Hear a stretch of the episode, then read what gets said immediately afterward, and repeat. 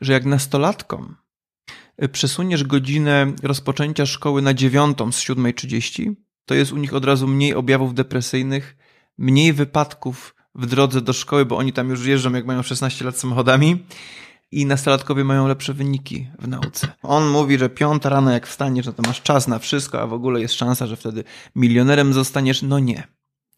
Jeżeli jesteś sową i wstajesz o piątej rano, to ty już wiesz ze swoich doświadczeń, że to jest kierunek bardziej depresja niż e, mistrzostwo świata. Ale jak? Światło niebieskie przecież mnie rozbudzi. Otóż badania pokazują, że nie rozbudzi oraz setki historii moich pacjentów. W ogóle na Netflixie są badania, że jak ludzie oglądają wciągające seriale na Netflixie w porównaniu z e, dokumentem o odnawialnej energii, to miało być nudne, to zasypiali tak wcześniej niż e, ci z tego nudnego dokumentu. No, że ludzie z bezsennością w testach motorycznych, logicznego myślenia, skupienia uwagi, refleks są tacy sami jak ludzie bez bezsenności. Podcast charyzmatyczny. Psychologia w codziennym życiu. Prowadzi psycholog Dawid Straszak. Dzień dobry, dobry wieczór. Moim i Państwa gościem jest Mateusz Majchrzak. Witam. Mateusz jest psychologiem, psychoterapeutą w nurcie poznawczo-behawioralnym i człowiekiem, który zajmuje się snem w taki sposób, że pomagasz ludziom, kiedy borykają się z bezsennością albo z zaburzeniami związanymi ze snem. Najczęściej. Do tego pracujesz z firmami albo ze sportowcami, ucząc mhm. ich w trakcie wykładów czy szkoleń w tego, jak, w jaki sposób wykorzystać sen do tego, żeby no, być bardziej efektywnym, mhm. E, albo po prostu, żeby mm, zadbać o swoje zdrowie. Tak. Dobrze. E, to, o czym chciałbym z Tobą dzisiaj porozmawiać, to kwestia właśnie tego, jak się wyspać, jak to zrobić, bo mam wrażenie, że jest bardzo dużo rad, które z jednej strony my mniej więcej wiemy, co powinniśmy zrobić, żeby się wysypiać, ale liczę też na to, że podpowiesz, z czego to wynika, że, e, żeby się do nich stosować. I mhm. z drugiej strony, żebyśmy też porozmawiali o tym, w jaki sposób sen albo jego brak wpływa na nasze zdrowie psychiczne. Mhm. Od czego zaczynamy? No, od tego, jak to zrobić, żeby się wyspać. Okej. Okay. No więc jest kilka takich naczelnych reguł, z których mm, jedna z najważniejszych to stała pora wstawania. Ponieważ ludzie i moi pacjenci też, a na pewno sowy, czyli osoby z chronotypem wieczornym, o czym pewnie będzie później mowa, sobie rozwiniemy, czy, mhm. czy to prawda, czy nie, te chronotypy i tak dalej, e, mają porozbijane pory wstawania. Czyli już konkretnie mówiąc, wstają do roboty na przykład albo na studia o 6.30, bo muszą, ale dosypiają w weekend do 10, albo nawet miałem pacjentkę, jak pracowałem na NFZ, co ciekawe tam były e, same sowy, 4 na 4 e, wstają o 12 w weekend. Czyli to rozbijanie rytmu okołodobowego jest złe dla naszego snu i psychiki i tak właśnie obniżamy jakość naszego snu. Jest jeszcze jedna taka ciekawostka, właśnie słuchałem tego w takim e, nowym podcaście Hubermana, że być może wiesz, a może nie, ale w każdym razie w śnie głębokim dużo się dzieje w naszym mózgu, bo tam ten układ glimfatyczny działa, hormon wzrostu się wydziela, dużo dobrych rzeczy dla psychiki i ciała. I e, najwięcej tego snu głębokiego mamy w pierwszym cyklu snu, czyli jak się położymy spać. I okazuje się, że jeżeli ja się kładę spać o 11, nie? a dzisiaj pójdę spać o pierwszej, to mój rytm okołodobowy działa tak, że będę miał mniej tego regenerującego, e, dobrego dla mnie snu głębokiego. Czyli ważne, żeby te pory wstawania były nieporozbijane bardziej niż półtorej godziny, to już by było dobrze. Aha. I żeby te pory snu były e, poukładane, wyrównane tak? Bo jest, jest ilość snu, czyli ile tego snu mamy, ale czyli... też druga bardzo ważna rzecz to rytm okołodobowy. Wyrównany rytm okołodobowy, czyli wewnętrzny zegar.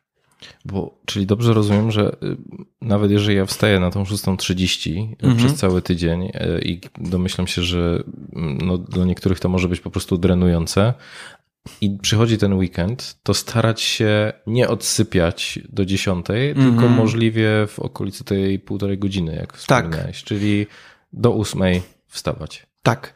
I tutaj zależy oczywiście, czy jesteśmy sową, czy skowronkiem. No bo jeżeli jesteśmy sową, albo nastolatkiem, bo większość nastolatków to sowy i to jest biologicznie e, uwarunkowana rzecz. To nie jest to, że im się wydaje, im się później wydziela melatonina, jak to zmierzymy. E, czy sową, no to powiemy im, no ja powiem tym pacjentom, ok, odeśpijmy trochę do ósmej, natomiast do dziesiątej to już się budzimy w innej strefie czasowej w Indiach. Jetlag nie jest dobry do naszej psychiki. I tak właśnie e, regulujemy tą jakość snu, że się budzimy o w miarę stałych porach. Chociaż powiem Ci, że jak jesteśmy tym nastolatkiem czy sową, no to jak mamy taką opcję, bo na przykład jesteśmy programistą, czy pracujemy w firmie, gdzie są elastyczne godziny wstawania, to ja mówię moim pacjentom, dobra, zrobimy tutaj taki kompromis. Ty pójdziesz do swojego szefa i zapytasz, czy mógłbyś jednak na 8.30 przychodzić, a nie na 7.30 i wyregulujemy to. Eee, I tak samo jest u nastolatków. Są badania, nie wiem czy wiesz, że jak nastolatkom, to są w USA badania, y, przesuniesz godzinę rozpoczęcia szkoły na dziewiątą z 7.30, mhm. to jest oczywiście e, nie, oczywiście, to jest u nich od razu mniej objawów depresyjnych, mniej wypadków w drodze do szkoły, bo oni tam już jeżdżą, jak mają 16 lat samochodami. E, i, i nastolatkowie mają lepsze wyniki w nauce. Ciekawe. Czyli to nie jest tak, że się komuś wydaje e, z tą porą wstawania, że są pewne preferencje, zależne też od wieku, jak widzisz, i od naszego chronotypu. No właśnie, bo ja czuję się tak e, cało, całe życie pokrzywdzone, bo jestem sobą, jeżeli się okaże, że okay. to jest prawdziwe. No.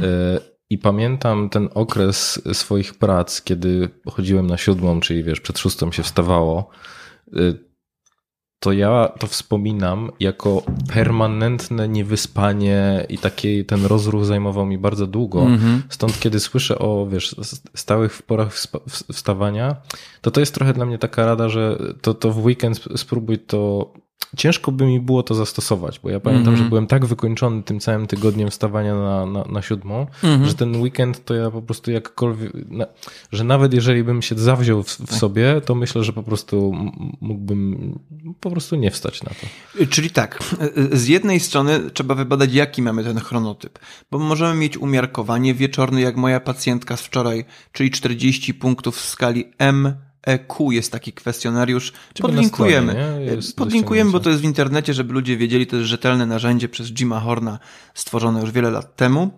E, czyli ta osoba jest sową, ale nie taką ekstremalną sową. Nie? I na pewno ja ci nie kazałbym, jak są takie książki, bo miałem też taką pacjentkę, która, co ciekawe, w HR-ze pracuje, yy, przeczytała książkę Miracle Morning że tam on mówi, że piąta rano jak wstaniesz, no to masz czas na wszystko, a w ogóle jest szansa, że wtedy milionerem zostaniesz. No nie.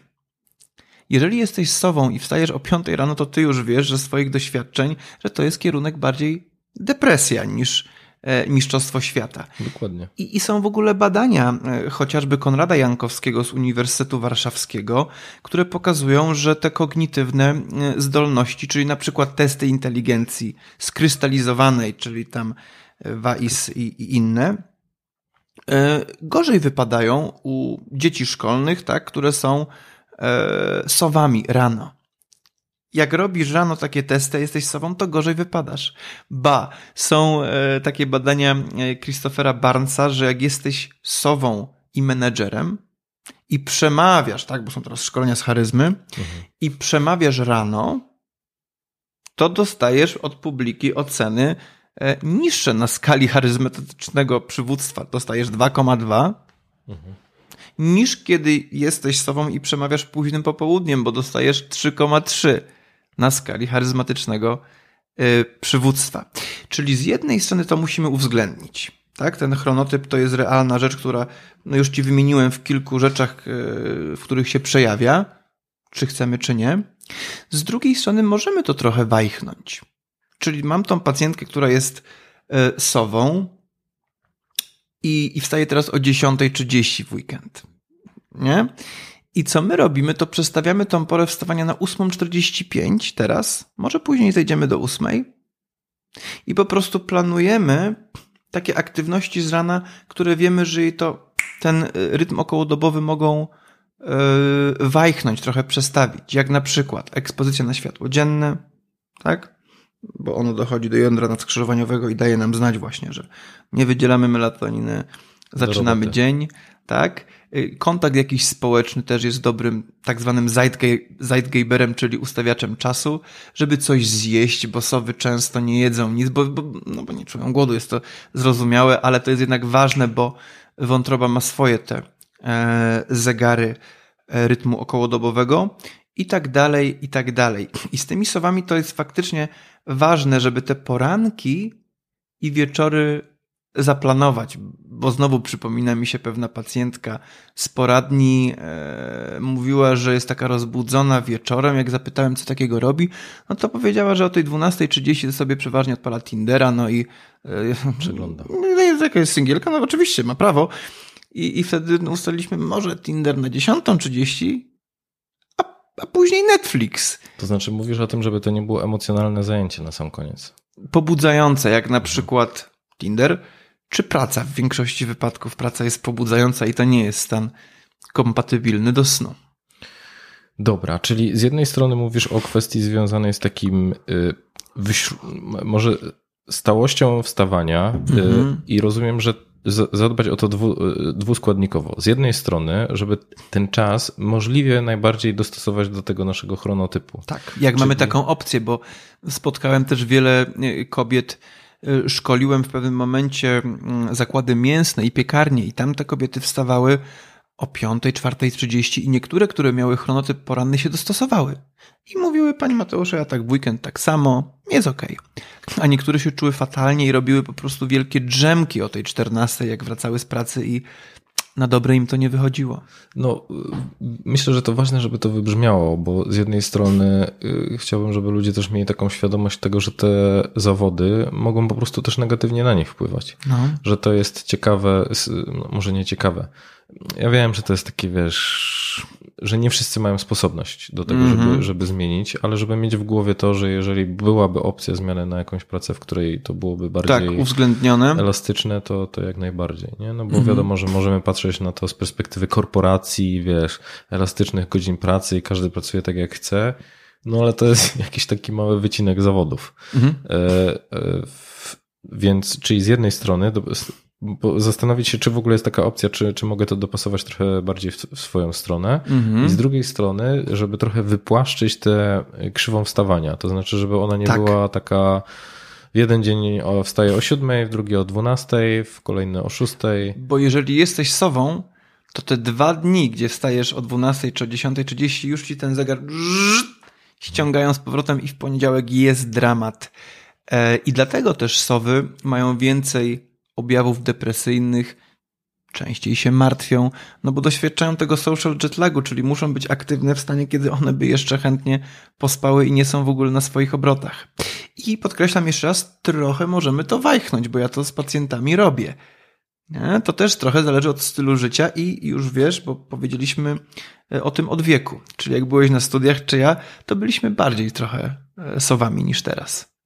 Czyli to jest naturalne, że wtedy jest Tak. bardziej sobą. No, Okej, no nastolatkowie są sowami mega, okej. a starsi ja ludzie nie byłem są- nastolatkiem, jak byłem na studiach. No tak, ale później, ale niedaleko później, nie? Mhm. Że, że, że byliśmy bardziej sowami na, prawdopodobnie na, na studiach niż, niż teraz. Będziemy bardziej sowami, jak będziemy mieli 70, e, przepraszam, skowronkami, jak będziemy mieli mm, 70 lat. To jest naturalny proces. Dobra.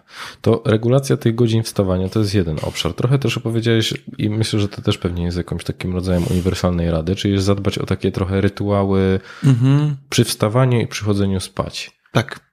Coś jeszcze byś tutaj zalecał, żeby... E, nie- Tak, jest parę takich uniwersalnych e, porad, bo to ważne. I to już na drugiej sesji mówię, jak, jak już komuś wytłumaczyłem, tak, pokazałem te obrazki, badania, czemu to jest ważne i pytam, co pan będzie robił o 7 rano w sobotę i ludzie są przerażeni, no to sobie ustalamy, e, ja to nazywam aktywizujące aktywności, czyli coś, co jest przeciwieństwem czytania książki przy zasłoniętych roletach, bo wtedy zaśniemy.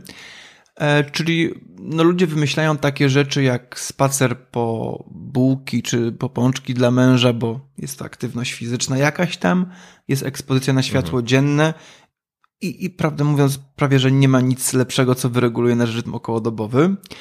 I, e, i ludzie ró- różnie sobie wymyślają, no bo mają więcej czasu teraz w życiu, bo nie leżakują w łóżku do 10.30, więc mówią, kurczę, ja lubiłem sobie na Spotify'u ściągać muzykę, ale nie miałem czasu, no bo dzieci, a teraz sobie pójdę do lasu. Albo pójdę pooglądać e, ptaki, bo zawsze lubiłem, ale e, wiesz, jak jest, nie ma czasu. Natomiast te wieczory, te rytuały e, są faktycznie ważne i są najważniejsze dla ludzi, z którymi ja aż tak często się nie spotykam, bo moi pacjenci już są mądrzy z bezsennością i mówią, panie Mateuszu, wyłączyłem telefon o 20, nie wiem, za późno i tak dalej. Najważniejsze są one dla ludzi, którzy twierdzą, że mają mało czasu, są zabiegani. To są te porady dla e, szefa startupu, który przychodzi do mnie, czy małej firmy i mówi, że o pierwszej e, maile wysyła z no bo optymalizuje czas. No i to nie, nie miałby kiedy indziej tego zrobić. Mhm. To to są ważne porady, te wind down routines, czyli te rytuały przedsenne są ważne dla takich ludzi. Bardzo zabieganych, żeby trochę odpuścić te działania na, zorientowane na cel i nie pracować. I nie wysyłać maili o, o pierwszej w nocy. To porada dla szefów, jak tutaj tego będą słuchali. Myślę, że wiesz, szef to jest jedna rzecz, bo w, myślę, że w kontekście takiego postpandemicznego świata to się stało też trochę normą, bo jednak no, bierzesz tą pracę do domu, bo często jest to po prostu jakiś laptop, że, albo właśnie telefon służbowy, że masz tą sposobność, żeby, żeby wysłać maila. No ja... tak, sam tak robię. Y, tylko, tylko nie do pierwszej w nocy, tylko sobie do 19.30 czy 20.00. Dokładnie. I z drugiej strony, ja też jak pracuję z ludźmi w, w gabinecie, to często słyszę taki, taką wątpliwość, że jeżeli mój szef wysyła o 23.00 tego maila, to ja się czuję tak lekko podprogowo uczknięty, że skoro on o tej godzinie pracuje, to może ja też powinienem. No tak. To znaczy, że no wiadomo, że ten szef trochę wyznacza. Ludzie naśladują kulturę. swoich szefów. Mhm. To jest jego wina. Dobra, czyli nieangażujące czynności y, w, pod koniec dnia, takie, które nie wpływałyby na nasze wzbudzenie, mhm. ale z drugiej strony też kiedyś pisałeś o tym, że stand-upy usypiają. tak, znaczy to może taka bardziej szersza kategoria, mhm. bo stand-upy, jak i Netflix, to ktoś mógłby powiedzieć mądry, a twoi słuchacze na pewno są wyedukowani. Ale jak? Światło niebieskie przecież mnie rozbudzi. Otóż badania pokazują, że nie rozbudzi oraz setki historii moich pacjentów, którzy są mądrzy, przychodzą z bezsennością i przychodzą, panie Mateuszu, no ja już próbowałem wszystkiego. Światło niebieskie odstawiłem, ashwagandha, magnes, CBD, no i nie działa. I ja mówię, no nic z tych rzeczy nie mogło podziałać. Czyli wiemy, że jak ludzie oglądają z 2005 badania, kiedy jeszcze nie było tych przyciemniaczy, tableta, mhm. światło niebieskie w twarz maksymalnie, nieprzyciemnione, nie filtr światła niebieskiego, które oczywiście zakładajmy sobie, no bo czemu nie, to zasypiają później 10 minut niż ci, którzy czytają książkę. No, czy Czas snu, wydajność snu, ilość snu głębokiego, bez różnic. I tam jest seria badań, które pokazują dokładnie to samo. Czyli jest to mały mit. Czyli y, mówisz o, o, tym, że te wszystkie okulary y, są gadżetem, który nie jest potrzebny? Może trochę jest, ale dobrze, badanie na sportowcach. Sportowcy 4 godziny przed snem y, y, używają tych okularów. Ile szybciej zasypiają? 4 minuty. 6 minut. Na pytanie, czy o to walczymy, nie? Bo zastanawiam się, jak rozmawiałem z Sebastianem Kilichowskim, który właśnie produkuje takie okulary, to on mówił o wpływie, y, jakby polepszeniu się produkcji melatoniny. I tu akurat ma rację. W tych badaniach wyszło, że melatonina mm, e, się półtorej godziny później wydzielała. Po prostu to aż takiego wielkiego nie ma wpływu na sen. Natomiast są badania też takie na pracownikach, że jak im dasz te okulary, to szczególnie sowy, gdzie ta melatonina faktycznie się później wydziela, odniosły z tego jakąś korzyść i następnego dnia e, wydajniej pracowały na przykład ludzie, klienci, ich oceniali lepiej, e, bo oni w call center pracowali ich pracę, więc mhm. coś było na rzeczy. Natomiast to, to jest pierwszy wstęp. Jakby ktoś chciał powiedzieć, kurczę, koleś mówił, że ja mam na, na YouTubie oglądać stand-upy czy Netflixa. W ogóle na Netflixie są badania, że jak ludzie oglądają wciągające seriale na Netflixie w porównaniu z e, dokumentem o odnawialnej energii, to miało być nudne to zasypiali tak wcześniej niż e, ci z tego nudnego dokumentu. Chodzi o to, że w pewnych momentach życia martwimy się, ruminujemy, jesteśmy zestresowani i potrzebujemy czegoś, co skupi naszą uwagę. I niestety książki są w tym dla większości ludzi nudne i gorsze. I łatwiej mi się skupić, przełączyć, jak oglądam Wikingów, niż jak czytam te moje książki. Czyli mówisz o tym, że akt, taka angażująca rozrywka Mhm. jest formą uniknięcia takich ruminacji, czyli nawracających myśli, takiego Dokładnie. mielenia w głowie, która nie pozwala nam zasnąć. No bo z założenia ruminacje do niczego nie doprowadzają, bo tam Mhm. mielisz, mielisz i do niczego nie dochodzisz, Tak, tylko sobie najczęściej dowalasz i myślisz o tym, że jeszcze ile tragedii możecie w życiu Tak. spotkać. czyli powiedziałbym, no mniejsze zło. Mhm. Jak chcecie czytać piękne książki 5 godzin przed snem, no to czytajcie, to jest najlepsze, ale czasami jest to trudno zrobić w życiu realnym. Dobra. A bo powiedziałeś o kilku środkach, które często są polecane, czyli właśnie magnes, olejki CBD, y, ashwagandha jako formę mm, jakby Waleriana. waleriany, Mhm. sposobów na lepsze za- za- zasypianie. Mówisz, że nikłe y, są pod względem skuteczności? Może nie to, że nikłe, bo jakiś tam efekt w badaniach, których jest kilka, na przykład na CBD czy walerianie jest. Tylko to są małe efekty. Z walerianą, nie wiem, parę minut po dwóch tygodniach stosowania albo zero. Mhm. W porównaniu- W porównaniu do placebo zero różnic. Z CBD jest troszeczkę badań, ale ich jest za mało, żeby stwierdzić, dobra, jak masz problemy z bezsennością, to weź CBD i to ci pomoże. Taka siła tych dowodów nie jest. Rozumiesz, w psychologii jest tak, że żebyśmy stwierdzili, czy w medycynie to działa, no to musi tych badań być dużo, muszą być zrobione przez różnych badaczy w różnych miejscach, jak z terapią bezsenności. I wiemy, że jak masz bezsenność i pójdziesz na terapię bezsenności CBTI, czyli poznawczo-behawioralną bezsenności, y, dasz temu 6 do 10 sesji, to z prawdopodobieństwem 70-80% bezsenność ustąpi. Bo jest tego tyle porobione, że no już inaczej nie Są wychodzi, nie? szlaki. No. Tak, w CBD jest tego po prostu za mało. E, No ja to też wiem z historii moich pacjentów. Przecież to są mądrzy ludzie. No pierwsza rzecz, której spróbowali, to, nie wiem, techniki oddechowe, ashwagandha, e, właśnie magnes czy coś, no coś tam wyczytali na internecie i nadal są u mnie, więc no nie pomogło im. Dlatego ja zawsze radzę ludziom, pacjentom na szkoleniach, e, jak bierzemy jakąś książkę czy artykuł, to pierwsza rzecz, którą ja robię, to patrzę, kim jest ta osoba.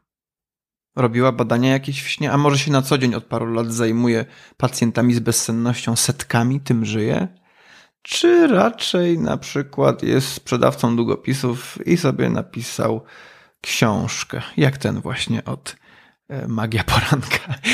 I, i, przykładów jest wiele, nie? że jak chcemy sobie poczytać o chronotypach, mamy w Polsce dwóch badaczy chronotypów, Konrad Jankowski, e, Joanna Gorgol, którzy temu życie swoje poświęcili, są z uniwersytetów. No możemy znaleźć te osoby, co one robią tam. Nie? To nie jest aż tak trudne w dzisiejszych czasach. Więc od tego ja bym zawsze zaczynał z artykułem czy książką. Czyli weryfikacja autora.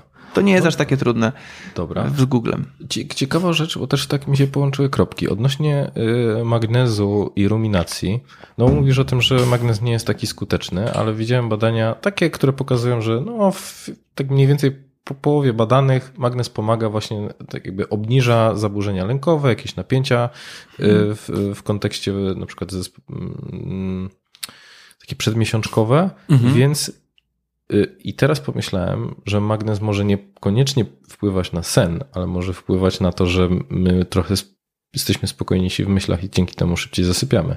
Kto wie, nie znam akurat tych badań, ale jest wiele e, badań i są całe przeglądy w psychiatrii polskiej o na przykład witaminie D, a depresji. Czyli to nie jest tak, że jak masz depresję i nie masz deficytów, to sobie weźmiesz witaminę D i, i okej.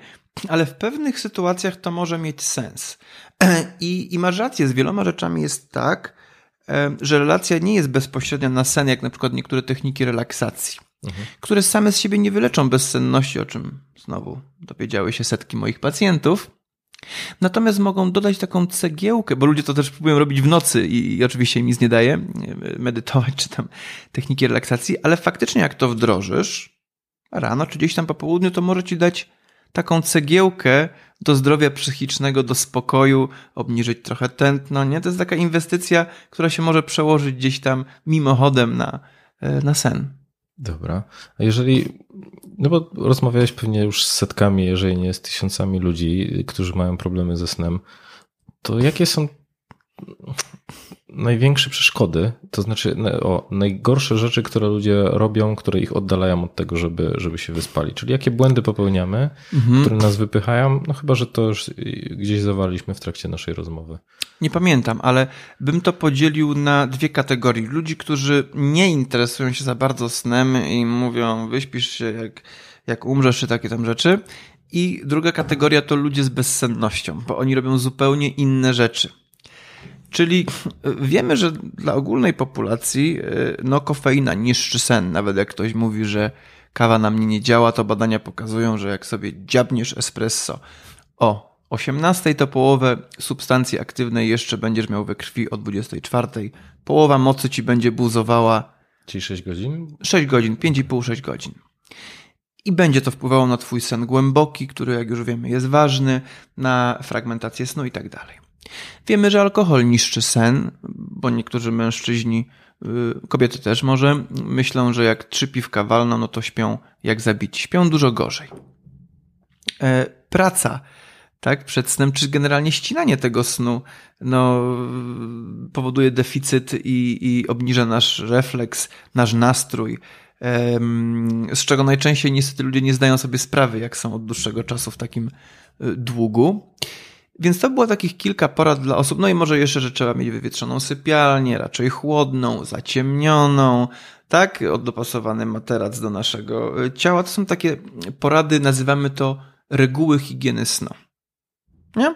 Czy, nie, czy wysiłek fizyczny nie za bardzo intensywny godzinę przed. Chociaż ogólnie to może być przed snem, ale nie za intensywny. Dobra. To są reguły higieny snu dla populacji generalnej, która nie za bardzo tam tym snem się przejmuje i jeszcze nic nigdy nie czytała o śnie. No bo to też są takie podstawowe rzeczy, nie? Mam podstawowe, ale niektórzy ludzie tego nie wiedzą. Wszyscy, że gdzieś to się cały czas przewija. Ja nawet chyba w podstawówce takie rzeczy słysza, no, słyszałem. Tak. Więc... Ale wiele osób tego nie wie i jest zdziwiona, że kupił sobie e, ten e, menedżer w korporacji Express, no i o, o 19 pije espresso i to wpływa na jego sen. Przecież on ma taki metabolizm, że on to raz, dwa nic nie czuje, nie? Wpływa. Zaczynamy interwencję. Mhm.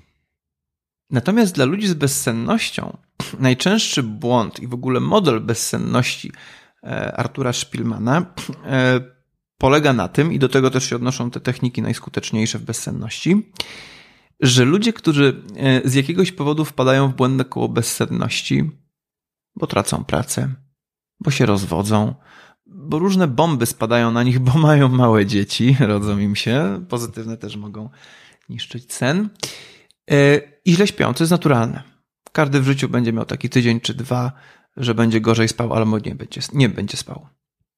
To oni wpadają na taki pomysł, że skoro źle śpię, no to teraz muszę nadgonić ten sen i pójdę spać szybciej o 21.30. Ja normalnie o 23.30 chodziłem i jeszcze spróbuję dospać rano, jak mogę, tam do 8.30, a normalnie to całe życie, jak mi mówią, to do roboty wstawałem o 6.30.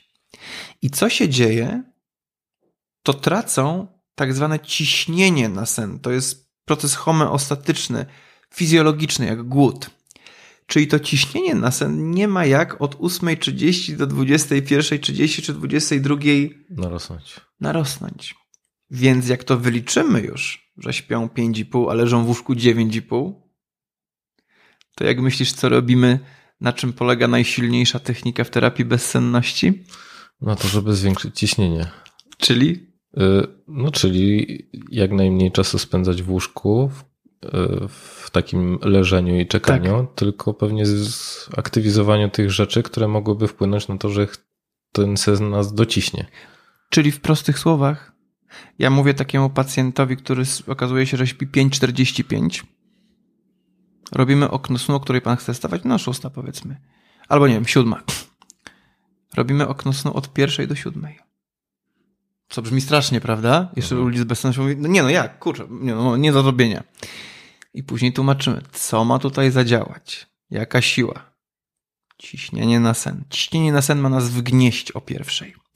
I wiem, co mówię, bo moi pacjenci to są często też pacjenci z zaburzeniami lękowymi, nie najspokojniejsze osoby na świecie w tym momencie życia, tak? I, i tak ta technika ograniczenia pór snu e, działa. To jest generalnie taka porada, jak masz coś stresującego. Jutro rozmowę z szefem, wystąpienie publiczne, rozmowę rekrutacyjną. Jesteś bokserem i walczysz jutro? To porada brzmi: nie idź spać wcześniej, jak niektórzy trenerzy radzili zawodnikom, z którymi pracowałem, no bo nie będzie ciśnienia na sen i to plus nerwy związane z tym wydarzeniem, bo będą, sprawią, że to w ogóle zrobi się bomba i się już zacznę wkręcać później, że nie śpię, ruminować i błędne koło bezsenności. 100%. Powiem ci, że ja mam takie tak? doświadczenie, jak jeżdżę na szkolenia. No i najczęściej jest tak, że jadę do innego miasta, podróż jest w jakiś sposób stresująca, śpię w jakimś nowym miejscu, w którym zazwyczaj coś nie działa, albo coś jest głośno, albo jest jakaś żaróweczka, Bywa która w hotelach. Tak, która, e, która świeci, albo jesteś koło windy i słyszysz tą windę. No, no za, zawsze ten sen, znaczy w moim przypadku, ale też jak rozmawiam z ludźmi, to to jest takie powszechne, że sen w nowym miejscu, w nowym miejscu jest taki niespokojny. Tylko ci powiem, że jest coś takiego jak efekt pierwszej nocy, że są badania, że półkula jedna jest bardziej czuła jak, e, jak u delfinów aktywna, e, co ma ewolucyjne mm, znaczenie adaptacyjne, czyli dobrze, że trochę płucej czujniej śpimy w nowym miejscu, więc tak. No, dokładnie, nie? No bo czuwasz, czy przypadkiem ten tygrys cię nie zaatakuje w jakiś sposób. Tak kiedyś było. I teraz i, i z jednej strony nakładam na siebie tą presję, dobra, idź spać, bo jutro trzeba, trzeba się wyspać. Trzeba się wyspać, jutro musisz być żyleta, więc, tak. y, więc idziesz wcześniej spać. I z jednej strony, y, no to powód kończy się najczęściej takim przewracaniem się w tym łóżku, zastanawianiem się, tylko denerwowaniem, no kurde, idź już spać, bo przecież musisz jutro wstać i takim nakręcaniem. Jest źle, nie mogę zasnąć, kurczę. No właśnie. Więc y, to ciekawe, że to no. rzeczywiście w ten sposób funkcjonuje. Porada brzmi, żeby to wybrzmiało, idź spać tak samo albo nawet później. Trochę mniej snu jednej nocy ci nic nie zrobi złego. No właśnie. Noc no. przed biegiem nie jest najważniejsza, tydzień jest. Są badania na biegaczach. Jak posłuchamy wypowiedzi dobrych sportowców, to wyłapiemy, jak Rafaela Nadala, że ta jedna noc przed, przed zawodami nam nie zrobi aż tak dużo złego, jak sobie pośpimy 5,5 godziny, ale zbitego snu, zbitej plastelinki snu. Nie? Że to porozrywanie i to ruminowanie o trzeciej w nocy jest jedną z gorszych rzeczy. Czyli Rafael nadal mówił, ta jedna noc mi y, dużo złego nie zrobi i tak dam dobry występ, jak cały tydzień dbam o sen. Mhm. Dobra. Nie?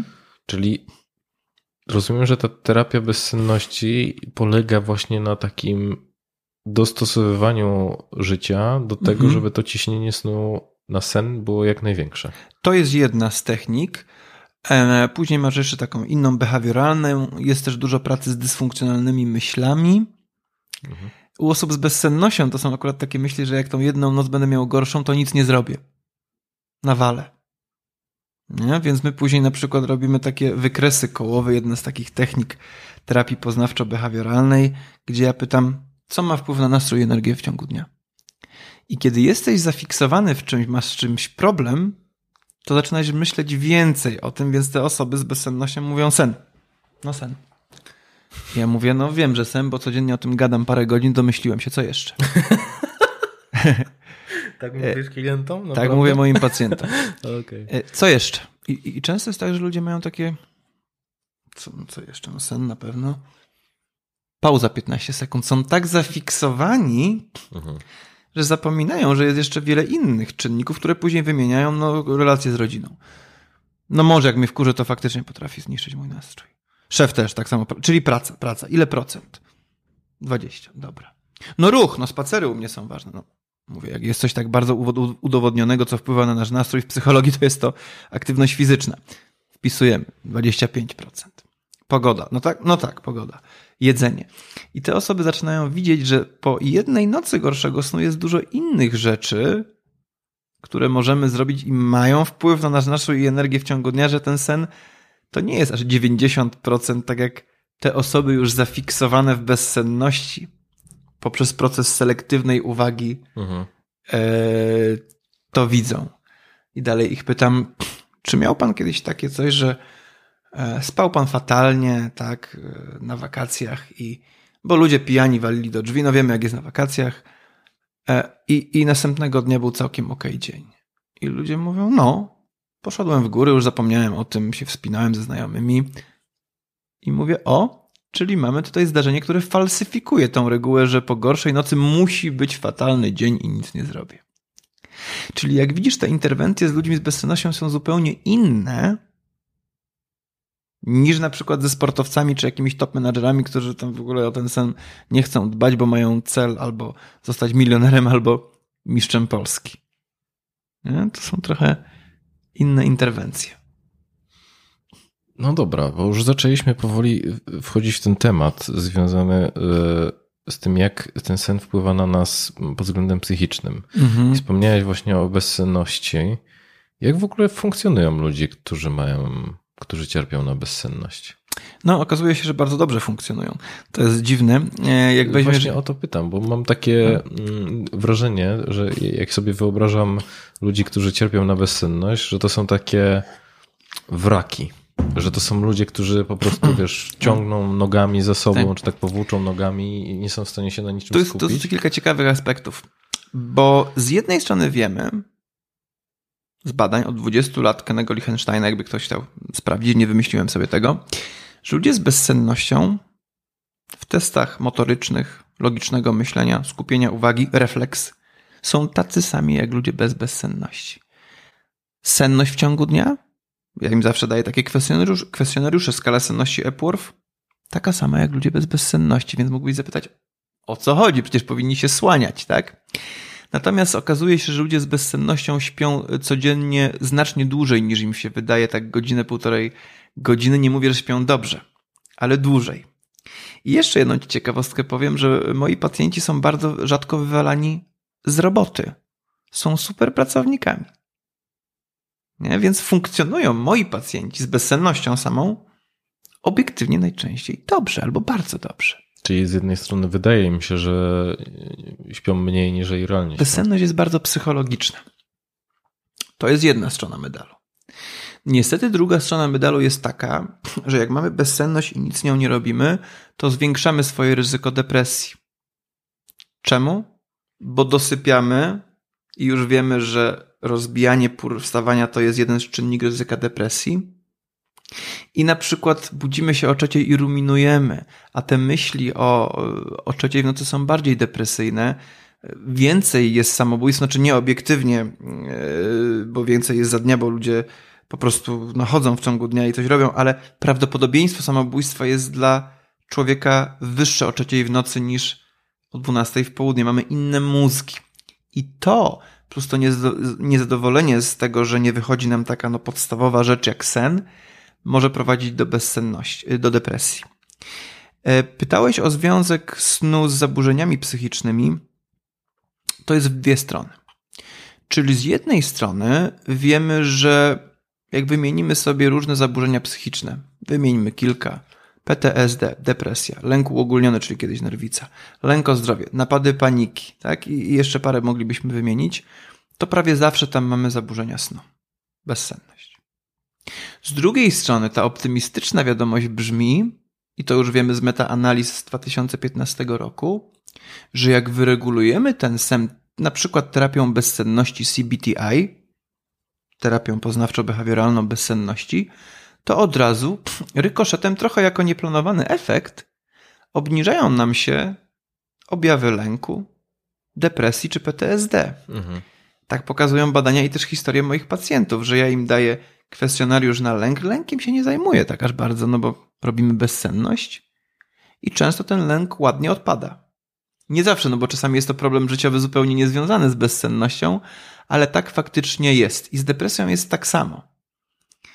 E, wiesz czemu? Bo e, w terapii mm, bezsenności już widzisz, że sobie e, robimy trochę takiego planowania, na przykład rano przyjemnych aktywności. To jest trudne. Natomiast jak nam się uda to wdrożyć, te małe rzeczy, jakiś spacer 45 minut, to trochę działamy taką techniką, która jest najskuteczniejszą techniką w terapii y, depresji, czyli aktywizacją behawioralną. I oczywiście są podręczniki najmądrzejszych ludzi na świecie od aktywizacji behawioralnej i to tą terapię można ciągnąć jako...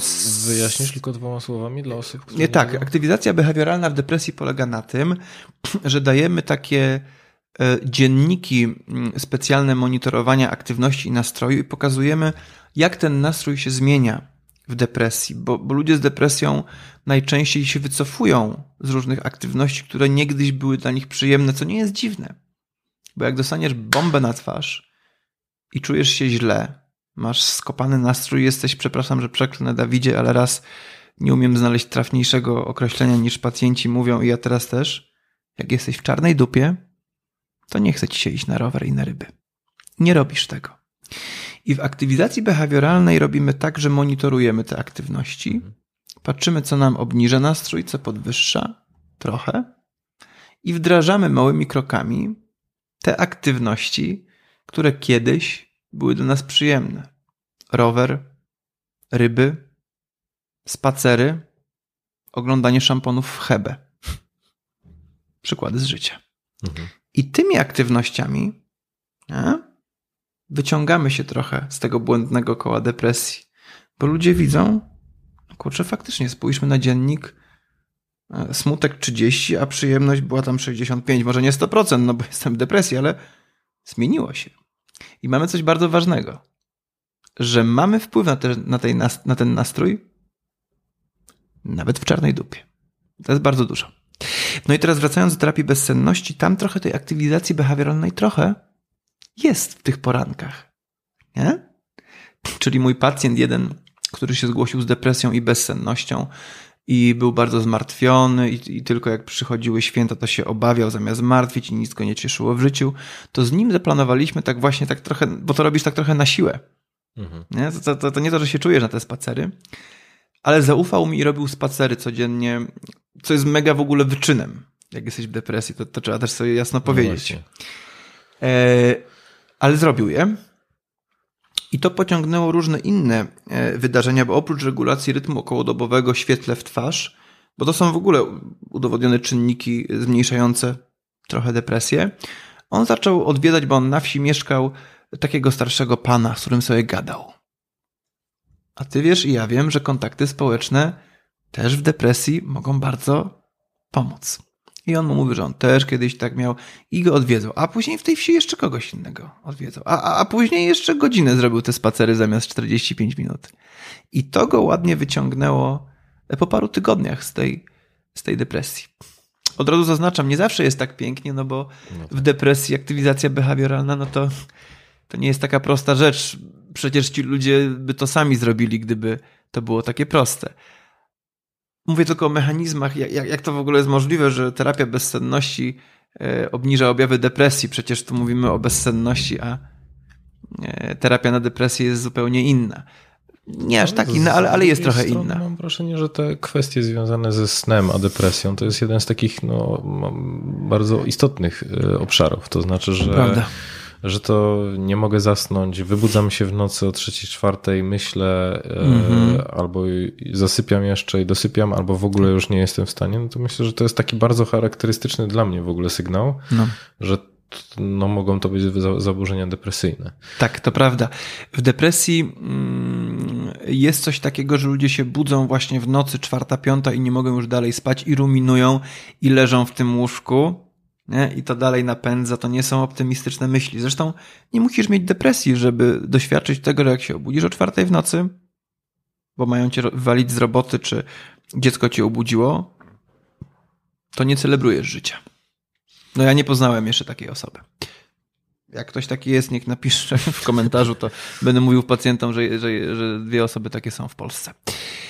Um, czyli jak to wygląda w depresji ten sen? Czyli albo jest to, albo jest z drugiej strony za, za długie polegiwanie w łóżku, co jest formą unikania. Bo to jest trudne wstać i coś zrobić i miałem kilku takich pacjentów, którzy mówili kurczę, te drzemki to są dla mnie najlepsze momenty w ciągu dnia. Taka błogość, że nic nie mówię, że zostawcie mnie, zamykam te drzwi. Nie? I to jest też trudne wyeliminować tą drzemkę, która zaburza później ciśnienie na sen i pogłębia te problemy ze snem, to jest tam trochę filozofii i pracy, że może zmniejszymy to chociaż do pół godziny, żeby nie wejść w sen głęboki, tą dżemkę. E, może co innego przyjemnego moglibyśmy zaplanować. A to mówi, nie wiem, no nic nie, nie jest teraz przyjemne. Okej, okay. co było kiedyś przyjemne, wypiszmy, co jest realne. Jest to pewna filozofia, żeby z tym snem e, w depresji e, podziałać. No, tak jak o tym wszystkim opowiadasz, to zarówno w kontekście zaburzeń depresyjnych, myślę, że też lękowych, ale też z bezsenności, ta praca polega na takim z jednej strony uwrażliwieniu człowieka na to, żeby on trochę zrozumiał, jak to wszystko funkcjonuje, mm -hmm. czyli tak, taka psychoedukacja, to jest pierwsza tak. rzecz. Druga rzecz to jest to, żeby on zaczął widzieć zależności, to znaczy mm -hmm. tak trochę urealnić, że tak. jak myślę, że nie śpię, to że rzeczywiście śpię te 5.30. Mm -hmm. Z drugiej strony kiedy ten mój nastrój się załamuje i co ma wpływ na to, żeby on był lepszy albo gorszy, czyli w, w kontekście tej aktywizacji behawioralnej. Mm -hmm. Czyli, no i myślę, że takim efektem tego wszystkiego, o czym opowiadasz, jest taka poczucie sprawczości. Czyli ja tak. też widzę, że ja nie jestem, no myślę, że w depresji to jest takie bardzo przytłaczające, to poczucie, że ja w sumie na nic nie mam wpływu. Co nie zrobię, to i tak jest dół. No. Bo mówiłeś o kwestii, o takich e, zaburzeniach z grupy zaburzeń lękowych. Mhm. Czy widzisz gdzieś jeszcze ten, ten negatywny wpływ snu? Bo z jednej strony ja mam wrażenie, że pewnie ten negatywny wpływ, to znaczy, że, że ten brak snu no ma takie ogromne znaczenie docelowo na w sumie każdy aspekt naszego życia. Tak, tak. To mm, w PTSD wiemy też, że jak wyregulujesz sen, to się objawy zmniejszają, albo jak się zajmiesz samymi koszmarami, bo jest krótka terapia koszmarów IRT dla zainteresowanych, która jak zdejmiesz koszmary ludziom, to im się zmniejsza od razu PTSD. Co na czym to polega? Wiesz co, to jest, e, to jest tak aż proste, że ciężko w to uwierzyć, natomiast od 20 lat wiemy, że to działa. Polega to na tym, że masz koszmar i zmieniasz po prostu, piszesz na kartce ten koszmar, początek tak samo, zmieniasz zakończenie. Przykład. Mhm. Pacjentka przychodzi, e, przykład sprzed miesiąca, i ma taki koszmar kilka razy w tygodniu, który jej psuje nastrój, bo raz na miesiąc no to mniejsza z tym, ale są takie koszmary, jak ludzie mają, że parę razy, parę razy w tygodniu im nastrój psują, już się boją iść spać później. Albo piją alkohol, żeby zapobiec temu.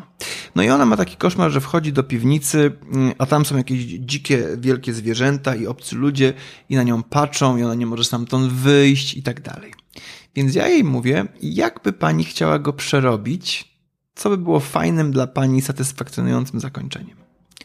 No i ona mówi, no to, że ci ludzie byli jednak okazali się przyjaźni, żeby podeszli do mnie, mnie uścisnęli, a później przez takie drzwi bym wyszła schodami do góry i tam już jest łąka i wieje wiatr. I ja mówię, zapiszmy to wszystko ze szczegółami, im więcej szczegółów, tym lepiej.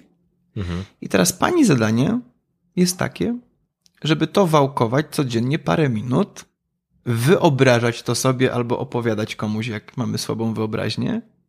Bo okazuje się, że e, wyobraźnia, to co sobie wyobrażamy za dnia, ma wpływ na to, o czym śnimy wieczorem.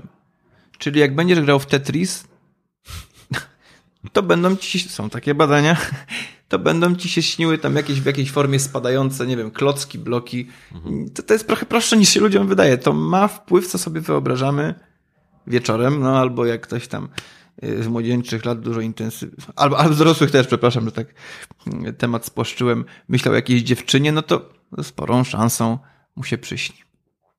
I, I to jest terapia Imagery Rehearsal Therapy. Czasami trzy sesje i jest jest po bólu. Ciekawe, no bo no. rzeczywiście to brzmi jakby trochę za... Za e, pięknie, żeby było prawdziwe, nie? E, właśnie nie, bo raczej chciałbym powiedzieć, że mam wrażenie, że większość rzeczy w, kontekst, w kontekście takiej pracy psychologicznej jest prosta.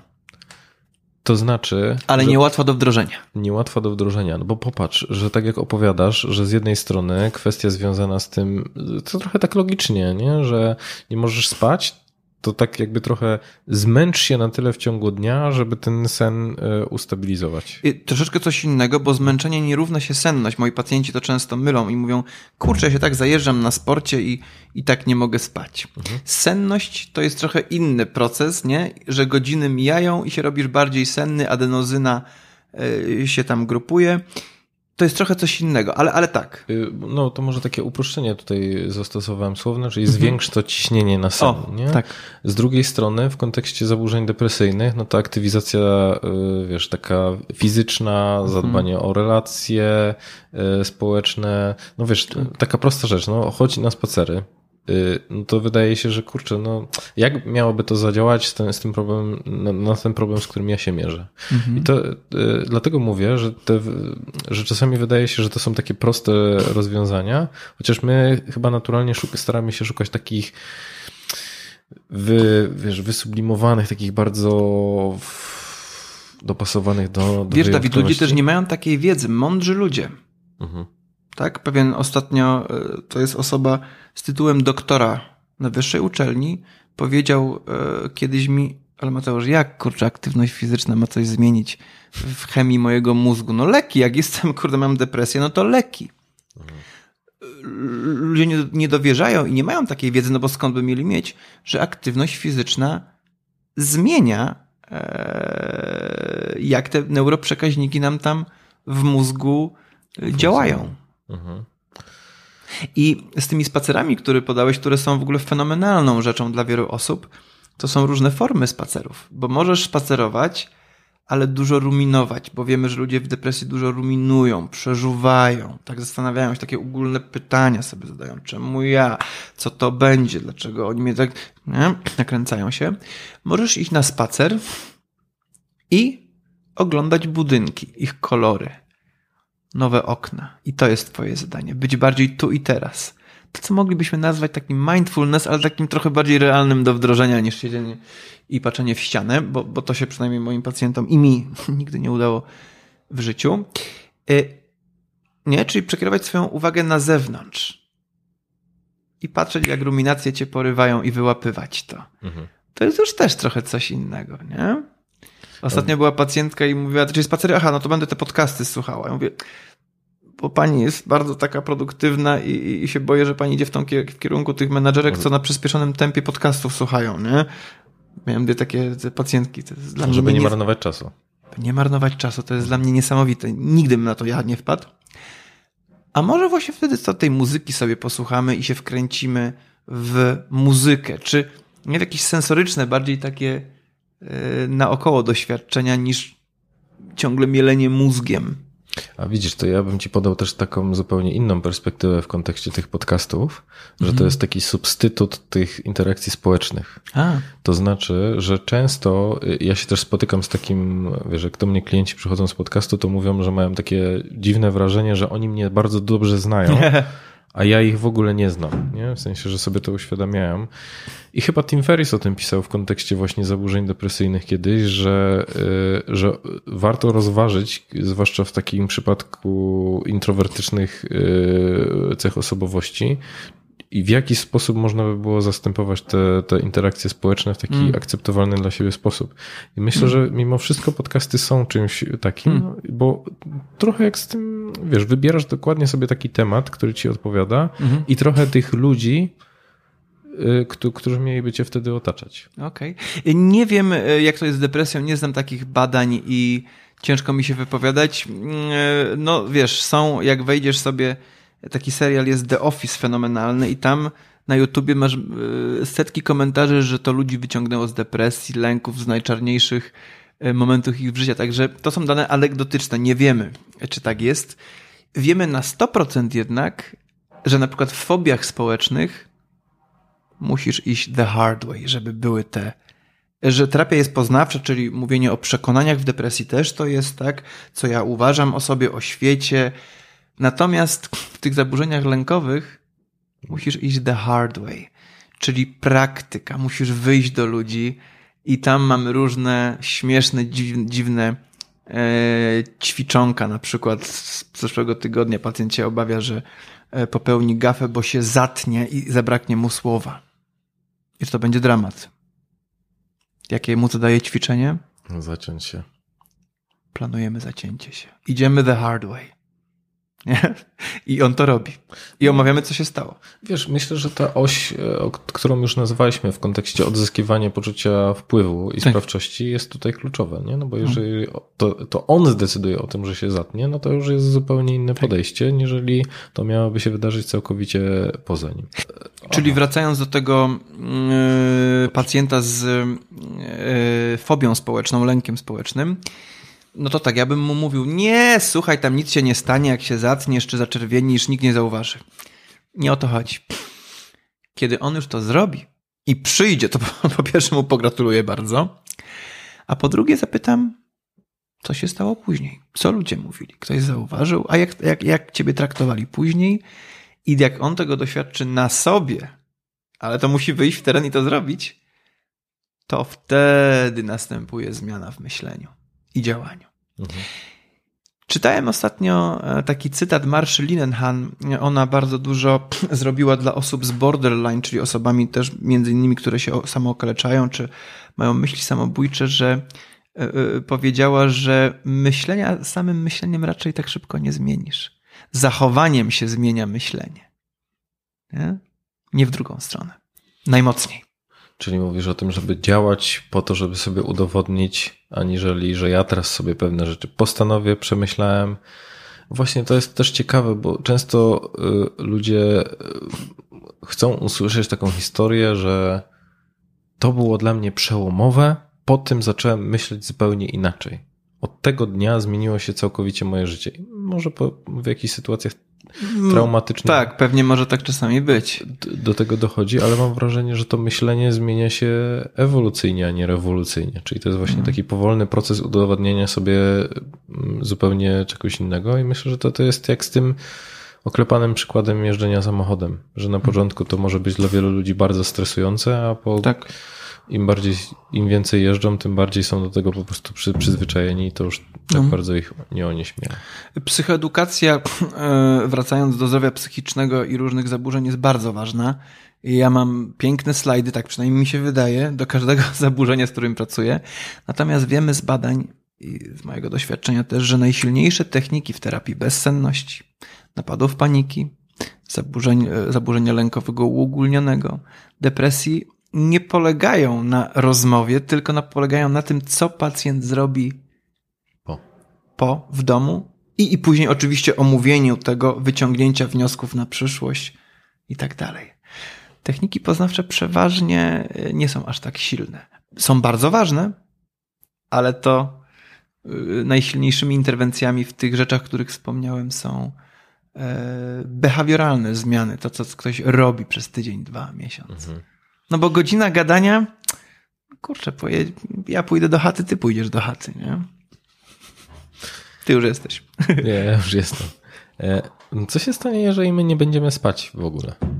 Co się wtedy Nie dzieje? ma takiej opcji, że nie będziemy spać. Znaczy myślę w sensie... o jakimś takich, co się dzieje z nami, kiedy ten sen jest rzeczywiście tak no, już drastycznie zubożony. Okej.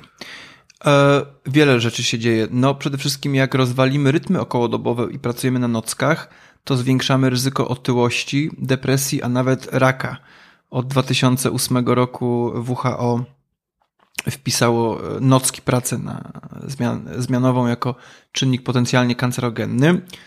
To nie odnosi się do bezsenności, jakby co, to jest zupełnie inna sprawa, żeby nie straszyć ludzi.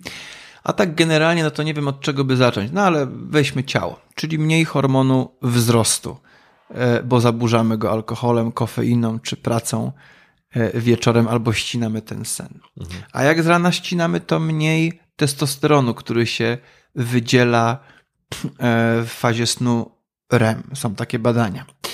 E, to może ciało. A nie, jeszcze do ciała ci dodam, że rozregulowane zostaną jak ścinamy. Wszystko są takie badania, nie, nie wymyślam sobie tego. Jak ścinamy sobie sen, to od razu rozregulowujemy greliny i leptyny wydzielanie, czyli hormonów E, głodu i, i sytości.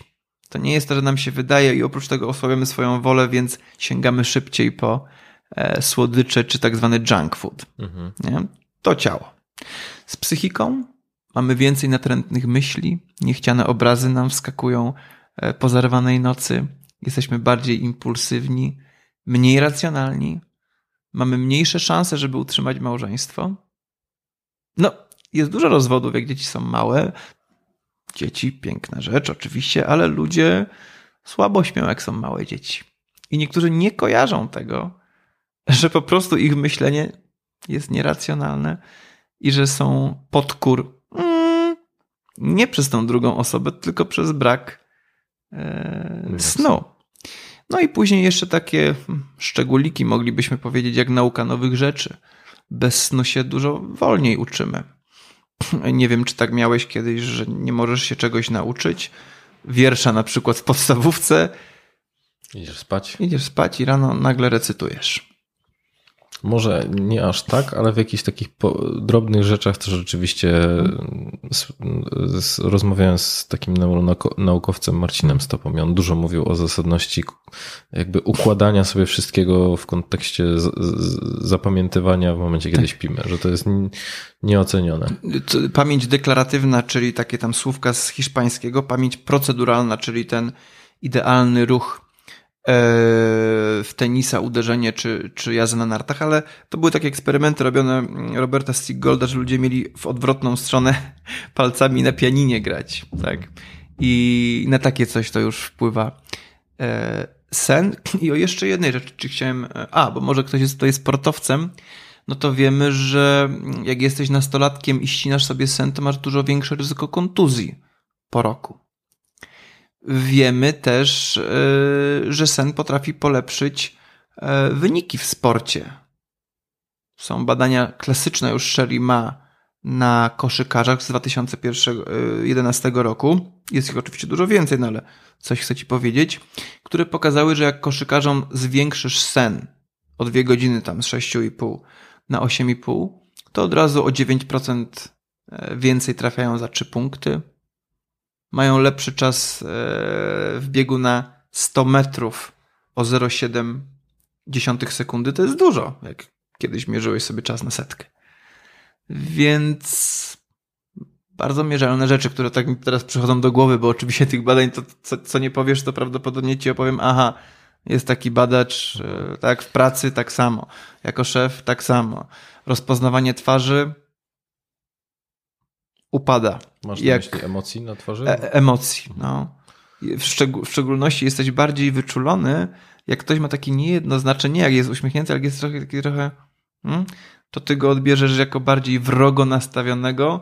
Czyli neutralne rzeczy negatywnie odbieramy. Neutralno-negatywne takie, no ale takie jest życie w pracy, tak? Że widzisz takie twarze.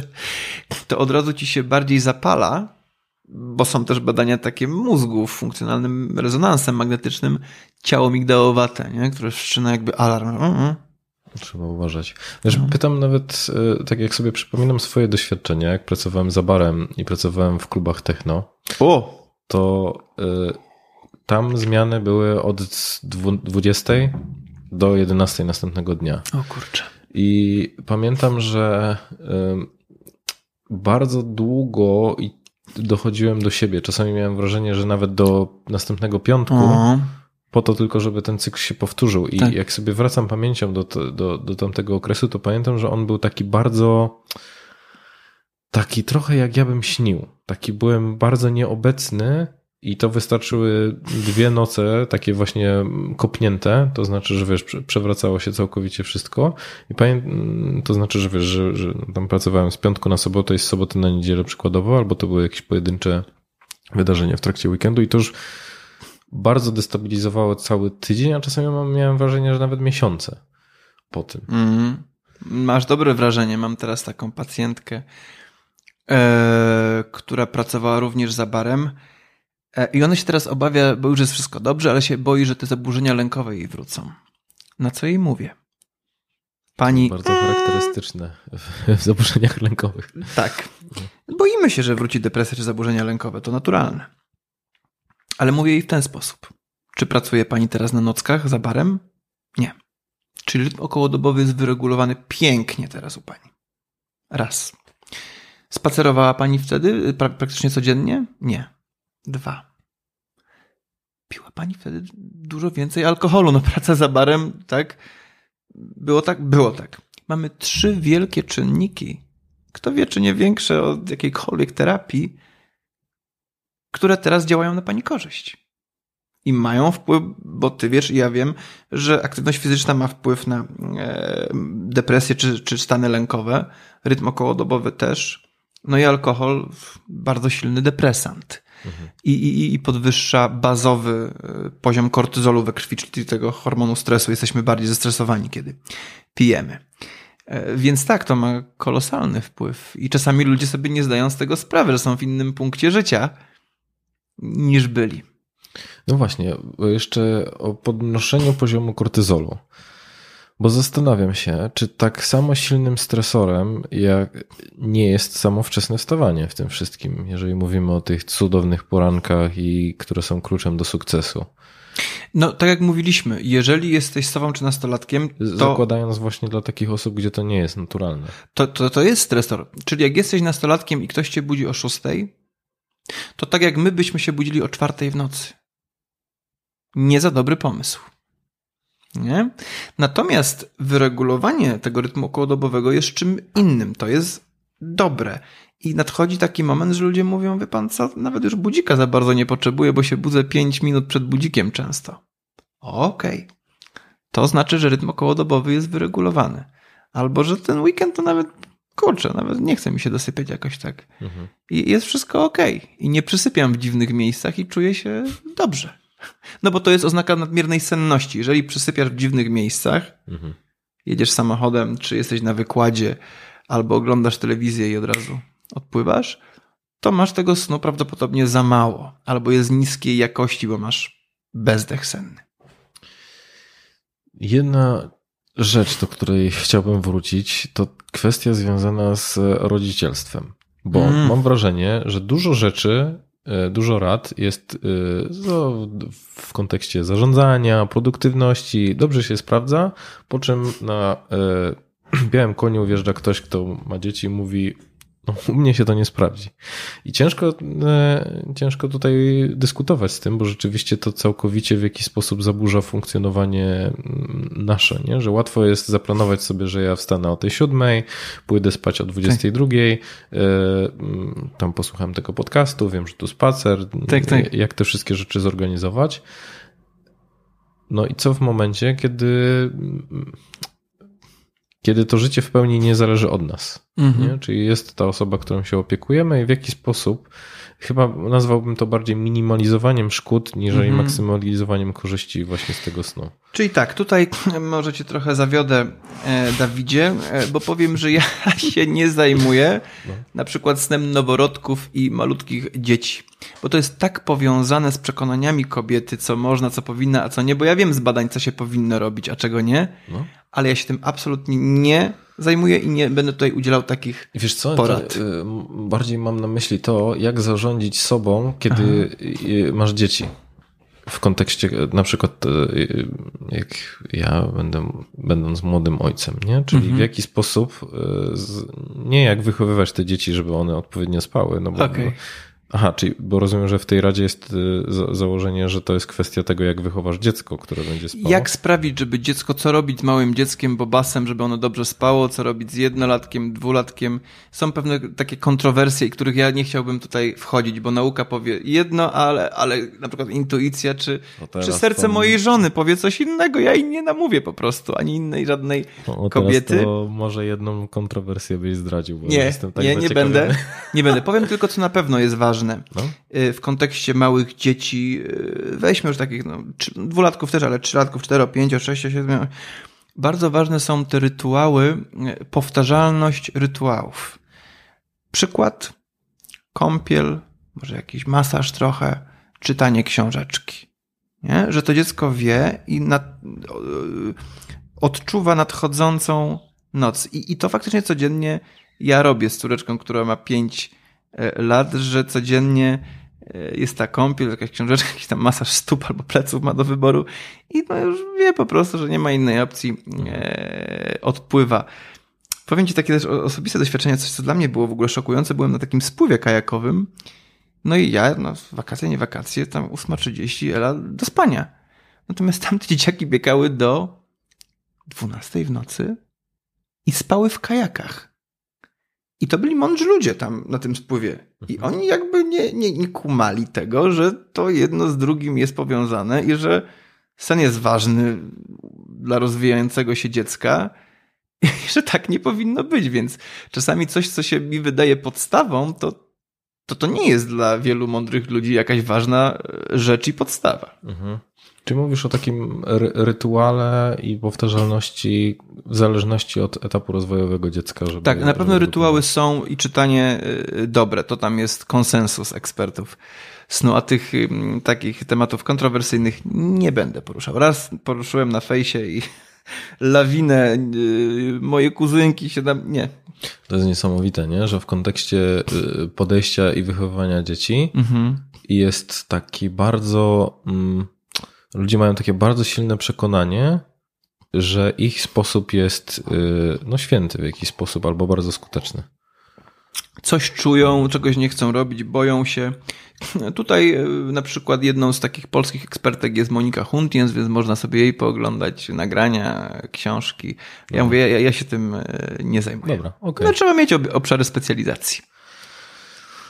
Czy w kontekście jeszcze zaburzeń chciałbyś coś dodać? Zaburzeń snu, czy... Zaburzeń mm, psychicznych, które są związane właśnie z, z, z wpływem snu. Myślę, że jest jakiś e, obszar, który... Chciałem dodać, mm, że, to faktycznie jest nadzieja, bo są takie badania, Alison Harvey to jest e, taki mega kozak, e, mega ekspert w bezsenności i ona porobiła badania w USA, ale nie na amerykańskich studentach uprzywilejowanych, tylko na ludziach, którzy faktycznie mieli takie bardziej już hardkorowe zaburzenia, czyli chorobę afektywną dwubiegunową, którzy często walczyli w ogóle o przetrwanie, byli niezatrudnieni. I jeżeli wiesz, co teraz się w Stanach dzieje, to wiesz, że no dużo jest w Stanach bezdomnych, uzależnionych e, od narkotyków ludzi, czy ludzi żyjących na skraju ubóstwa. I ona na tych ludziach przeprowadziła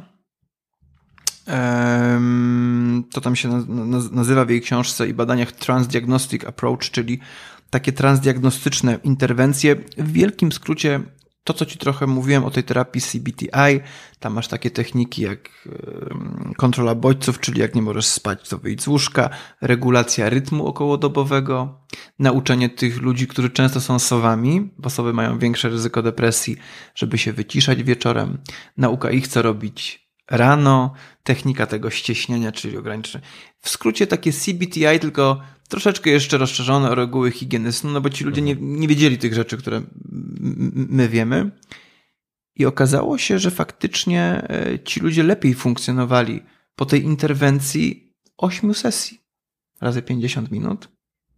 Mieli niższe objawy na tych swoich skalach lęku czy depresji więc, że faktycznie e, interwencje evidence-based działają i że jak poprawimy swój sen, to jest spora szansa, że, e, że będzie lepiej też w innym aspekcie życia. Nie to, że, że terapia bezsenności jest najlepsza na wszystko, bo są inne terapie na napady paniki czy depresję, ale że to naprawdę może pomóc. A z drugiej strony taka myśl, porada dla nas, dla mnie, dla ciebie, czy dla znajomego menedżera, który kiedyś mi wysłał ze swojego Aura Ringa wyniki e, snu i tam było no jasno, jak czarno na białym nie potrzebował do tego żadnego Aura Ringa, tak szczerze mówiąc, że się budzi o trzeciej i nie może spać. I ja już wiedziałem, kto to jest, więc mówię, słuchaj, czy masz jakiś teraz trudny okres w życiu, dużo pracy? A on mówi tak, że teraz mega jakieś nowe projekty ciągnie, jest bardzo zestresowany. Zapytałem też, czy miał depresję kiedyś. Mówi, że miał, bo właśnie się zajechał nadmiarem pracy i aktywności fizycznej nadmiarem. I mówię, to może być sygnał, że trzeba trochę zrobić krok w tył, że nadciąga depresja. Nie? Czerwona lampka. Za chwilę może już być tak, że będziesz 6 miesięcy wyłączony. Mhm. Że sen to jest taki papierek lakmusowy naszego nastroju czy zbliżających się e, problemów psychicznych, które warto sobie wziąć do serca. Bo, bo często ludzie nie czują, że coś jest złego, że, że są bardzo w silnym lęku, czy ich nastrój się obniża, ale ten sen to potrafią wyłapać. Kurczę, śpię gorzej. Nie? Rzeczywiście i spójrz mm, na to, że jest bardzo dużo takich y, destrukcyjnych przekonań na temat snu. To znaczy, że a wyśpisz się po śmierci, zepnij się, że chyba sen jest taką pierwszą rzeczą, którą jest łatwo ściąć. To tak. znaczy, to nie będzie tak, że dobra, to dzisiaj sobie odpuszczę i nie będę jadł, ale jeżeli mam nie dospać, to już jest zupełnie inaczej. Więcej zrobię. Więcej zrobię. Nie pozornie, no bo ja tak jak mówisz, że to rzeczywiście odbija się rykoszetem bardzo szybko. Na rodzinie, na pracownikach. Dokładnie. A drugą rzecz bardzo ważną, Mhm. którą powiedziałeś, to to, że ludzie trochę jakby zapominają, jak mogłoby być. To znaczy, że my przez Tak. tą habituację bardzo szybko się przy, przyzwyczajamy Mhm. do tego, y, że źle funkcjonujemy, że ciągle jesteśmy przemęczeni, że te 8 kaw musimy wypić, żeby w jakiś sposób funkcjonować. No co Że ciągle tego dziecka jest mm, mm, nie? że ludzie siebie nie pamiętają, tak. Dokładnie. I oni mają takie myślenie, że może ja już, że jeszcze jedna moja ulubiona rada, którą bardzo często słyszę, że z wiekiem to my się zmieniamy i ty może po prostu już taki jesteś. To znaczy, że takie Straciłeś tą werwę, kiedyś miałeś, teraz nie masz, no jesteś trochę żądliwy, krzyczy się na dzieci, no dzieciaki Ale broją. to nie jest w tym wieku. Tak. Nie?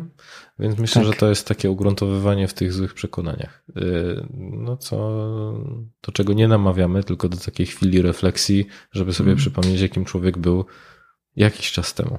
To ważne w kontekście, trochę odbiegamy czasami na, na różne tematy, no ale to jest życie, to w kontekście depresji bardzo jest e, ważne i częste dla, w szczególności mężczyzn, których często kobiety zgłaszają, że to nie jest ten sam człowiek, ale też poznałem kobietę, która nie chciała się przyznać do swojej depresji i szła w zaparte, a, a wszyscy wokół widzieli, że jest, jest naprawdę źle. Mhm.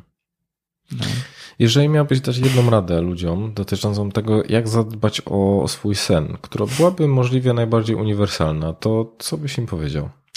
Wstawajcie o tej samej porze rano i planujcie przyjemne aktywności rano. Dobra. No to co, Mateusz, z mojej strony to wszystko. Ja w ogóle zachęcam do śledzenia Ciebie na LinkedIn, bo tam są bardzo merytoryczne, poparte badaniami albo Twoimi doświadczeniami z gabinetu wpisy dotyczące właśnie snu, chociaż też się pojawiają dotyczące właśnie zaburzeń lękowych, Mhm. depresyjnych.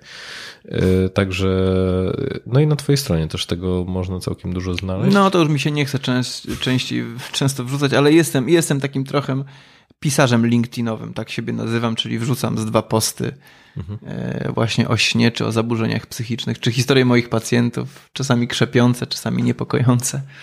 No, Super. E, To gdzie jeszcze Ci szukać w sieci? nigdzie, na fejsie i na LinkedInie. No Dobra. tak, no już wiem, że nie mogę mieć Instagrama, bo znam swoją psychikę i wiem, że to nie jest dobry kierunek dla mojego małżeństwa i dla moich dzieci. Co masz na myśli? Co, co się dzieje? No, że jak założę, y, przepraszam, Instagrama, że nie mam, No, no. że jak założę Instagrama, to będę tam więcej siedział, łapą scrollował, a chcę mniej siedzieć Mhm.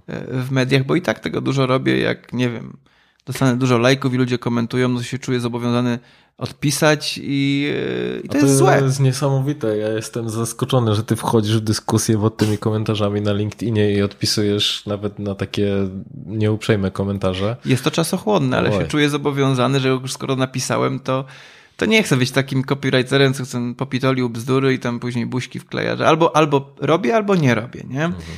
Nie, nie, nie staram się nie robić gównianych postów. Mhm. No. To dobra, to ci się udaje w takim razie. no, Dobra, no to co? Dziękuję bardzo. Również. Super było porozmawiać. Dzięki. dziękuję. Słuchasz podcastu charyzmatyczny. Zasubskrybuj, daj kciuk w górę lub skomentuj.